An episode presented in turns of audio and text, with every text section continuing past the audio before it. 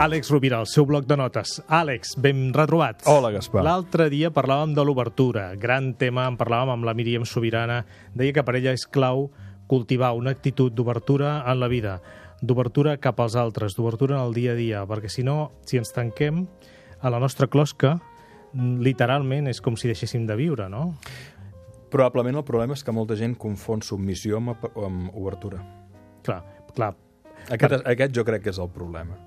Clar. És a dir, la submissió és deixar-te... O sigui, obrir-te allò que et ve de fora, però més deixar-te dominar en passar amb allò, allò que no vols. Jo crec que l'obertura és la capacitat d'acollir i des d'un acolliment dirimir fins a quin punt allò té bondats o maldats, impulsa la vida o frena la vida.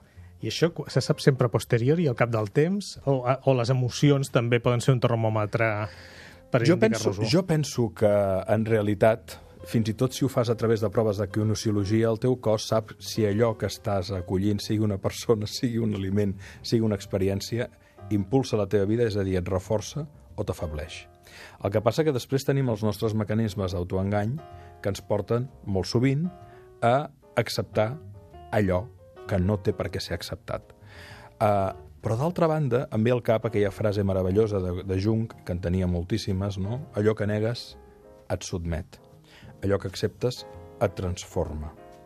Per exemple, si ens anem a mirar doncs, el treball de constel·lacions familiars, és ben sabut que quan la persona fa una integració dels exclosos, um, i els acull i honora a tots els ancestres i el, especialment als exclosos, la, la força retorna a la vida, a la vida del, del, del, del subjecte. Per tant, jo crec que hauríem de perdre la por a la, a la obertura, però sense renunciar tampoc a la mirada crítica, òbviament, perquè si no um, acabaríem tots combregant amb, amb rodes de molí.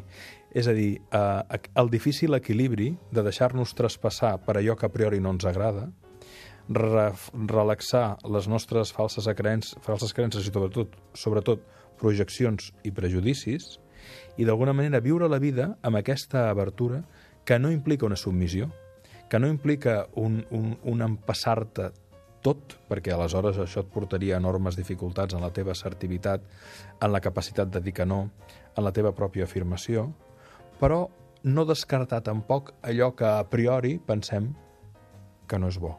I crec que això és, és, és, és importantíssim en qualsevol dimensió, en la dimensió del pensament. La política. Uh, amb la política, en la dimensió de les nostres relacions.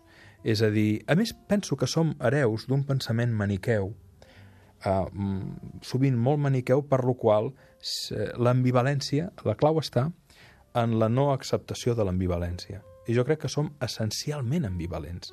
I hi ha una paraula meravellosa que és el matís, matís, els matisos.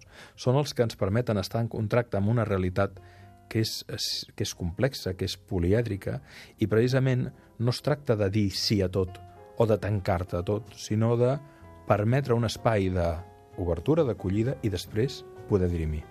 Àlex Rovira, moltes gràcies. Gràcies, Bona setmana. Els oients també, moltes gràcies.